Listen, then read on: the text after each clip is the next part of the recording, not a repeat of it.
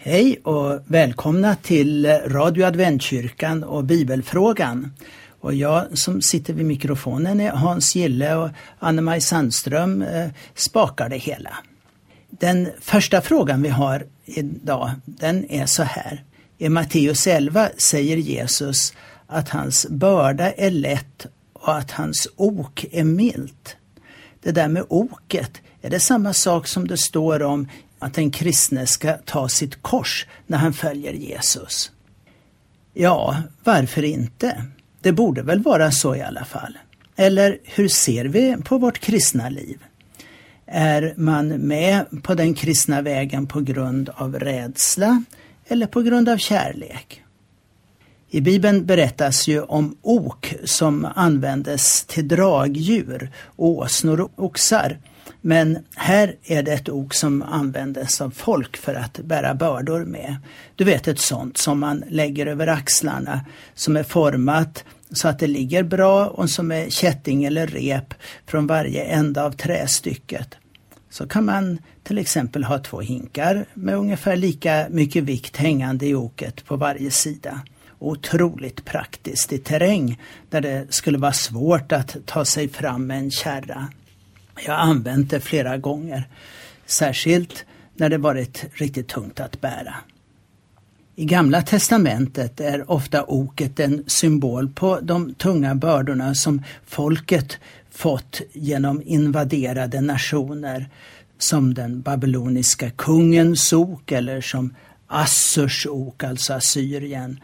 Och frigörelsen är då som att befrias från bördan och att bryta sönder oket.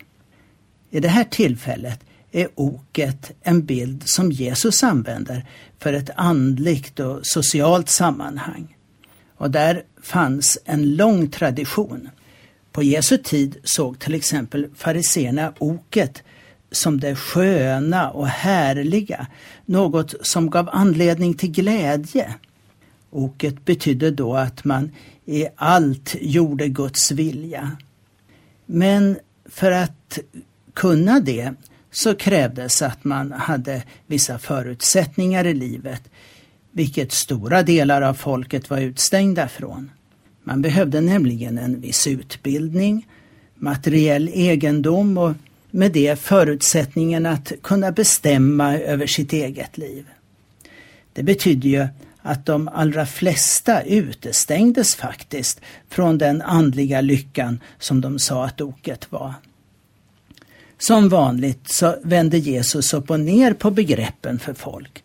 I Matteus 11 och 28 så säger han Kom till mig alla ni som är tyngda av bördor. Jag ska skänka er vila.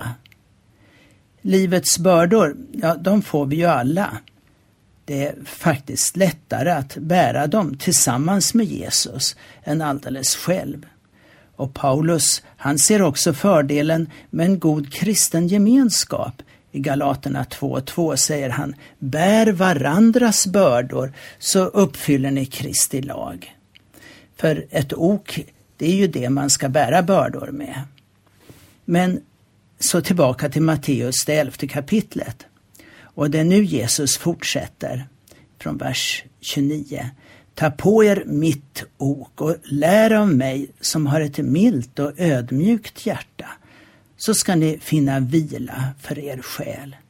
Mitt ok är skonsamt och min börda är lätt. Att evangelium är så stort att det på något sätt går utanpå allt annat, ja, det har vi sett många gånger. Jesus säger inte att det inte skulle finnas några bördor alls. Han förnekar inte att det heller kan bli problem, ja, till och med förföljelse och olyckor. För lite längre fram säger Jesus, Matteus 16 och 24.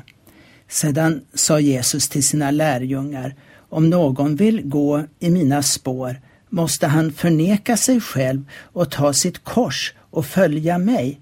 Ty den som vill rädda sitt liv ska mista det, och den som mister sitt liv för min skull, han ska finna det. Vad hjälper det en människa om hon vinner hela världen men måste betala med sitt liv? med vad ska hon köpa tillbaka sitt liv? Människosonen ska komma i sin faders härlighet med sina änglar och då ska han löna var och en efter hans gärningar. Så Guds perspektiv är nog evighetsperspektivet. Inte så konstigt i sig. Han är själv av evighet och har som gåva till var och en som tar emot detsamma just evigheten. En evighet med Gud, med frälsningen i Jesus. Ja, då är det faktiskt så att den verkligheten, den kan landa här och nu i våra liv. Ett ok och ett kors, ja det kan det vara. Jesus är med och bär både oss och allt annat. Så har jag en annan fråga här och eh, den lyder så här. Rent bibliskt, hur viktigt är det egentligen med hur gammal jorden är? Det finns en biblisk kronologi genom hela Gamla testamentet, släktled efter släktled. Men inte på samma ställe i Bibeln och därför är det lite av ett pussel att få ihop det hela många olika personer har försökt och det har gjorts mm, de här försöken och man kan konstatera att de stannar på cirka 6000 år fram till idag. I den judiska kalendern har man som utgångspunkt tiden för Guds skapelse av universum. Och då räknas den till år 3761 före Kristus. Därför så får vi alltså under 2014 det judiska året 5774. I gamla King James översättning kunde man tidigare finna i marginalen på kommentarerna där året 4004 f.Kr. som skapelsens årtal. Det var genom att lägga ihop de olika släktuppgifterna i Gamla testamentet som James Usher kom fram till det här datumet.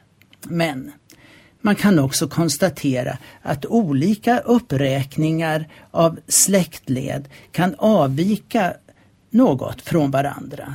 Matteus och Lukas evangelier, de har ju en släkttavla på Jesus och det är med lite olika fokus. Eh, det ena på Josef eller så efter Marias sida. Det är helt klart en förkortad variant. Och detsamma kan inte heller uteslutas från Gamla testamentets släktuppräkningar. Det kan gott hända att det ibland är viktigare huvudmän som räknas upp och att vissa släktled i så fall kan saknas särskilt före uttåget ur Egypten. Är det då betydelsefullt? Låt mig svara så här. Gjorde Jesus något uttalande i saken? Nej, knappast. Enligt Nya testamentet var ju Jesus med i skapelsen, men det fanns betydligt viktigare frågor för honom.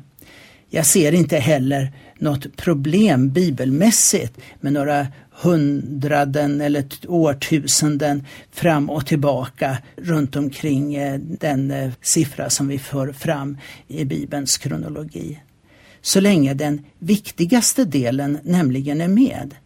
Detta att Gud är skapare. Tiden är med andra ord inte bekymret utan snarare om man använder tid som ett argument för att Gud inte längre behövs att det inte skulle vara Gud som är skaparen. Den främsta orsaken till miljontals och miljarder år i evolutionen är ju att finna en lösning på skapelsen som vi ser den idag utan inblandning av högre makter, av en gud. Alltså. Så att då försöka harmonisera evolutionen med en gud som verkar i evolutionen, det blir rätt motsägelsefullt. Om slumpen är vår far, vårt ursprung, då kan vi inte finna någon rimlig orsak till olydnad och synd emot Gud. Och då kan vi säga att hela frälsningsplanen för människan, den blir liksom onödig. synd, förlåtelse och frälsning i Jesus, ja det blir då bara vackra bilder med ett psykologiskt budskap som kanske kan vara bra för vår själ. Om inte Gud skapade allt en gång, hur skulle då löftet om att han en gång ska skapa om allt till nya himlar och en ny jord vara verklighet? Men om Gud verkligen skapade allt på sex dagar, då är inte återskapandet en gång i framtiden något problem heller. Så har jag en liten fråga till. Hur såg egentligen Mose familj ut? Ja, Mose mamma hette Jokebed och pappa han hette Amram. Det var båda två av Levis stam, den stam som senare skulle bli prästernas stam. Under de första 40 åren av Mose liv, då han var vid det egyptiska hovet, så säger Bibeln inte mycket alls om den tiden. Enligt den judiske historikern Josefus så skulle Mose ha varit med i ett krig mot Egypten och bland annat tagit sig en etiopisk prinsessa till hustru. Men det är nu utanför den bibliska berättelsen och vi kan inte säga mycket om det. Mose hade nu också en bror som hette Aron och en syster som hette Miriam. Och de var båda två äldre än Mose. När Mose flydde till de midjanitiska områdena så ser vi här att det fanns tydligen en kultur som trodde på tillbad skapareguden Javé. Prästen Reguel tar hand om honom. Han kallas också för Jetro som betyder den högvördige. Han var nog inte bara präst utan också hövding. En av hans döttrar gifte sig Mose med. Hon hette Sipora och de fick två söner, Gershom och Eliezer. Vi vet också att Mose hustru Sipora var en av sju systrar, vilket betyder att Mose hade sex svägerskor och även faktiskt en svåger som omnämns som hette Hovav eller också uttalat Hobab. Det finns ganska många namn i Bibeln, Bibel 2000, som har fått lite annan stavning än tidigare. Den här svågen följde med honom under en tid då de bröt upp från Sina i öken. Alltså Mose föräldrar Amram och Jokebed, syskon Aron och Mirjam och hustru Sipora och sönerna Gershom och Eliezer. Ja, det var våra frågor idag och eh, som vanligt är du välkommen med dina frågor hit till Radio Adventkyrkan på 031 711 11 99 eller på adressen radioadventkyrkan telia.com. Och du är också välkommen till våra gudstjänster som vi har på Norra Legatan 6 och det är lördagar klockan 11.30. Och ja, jag heter Hans Gille och du har lyssnat på Radio Adventkyrkan.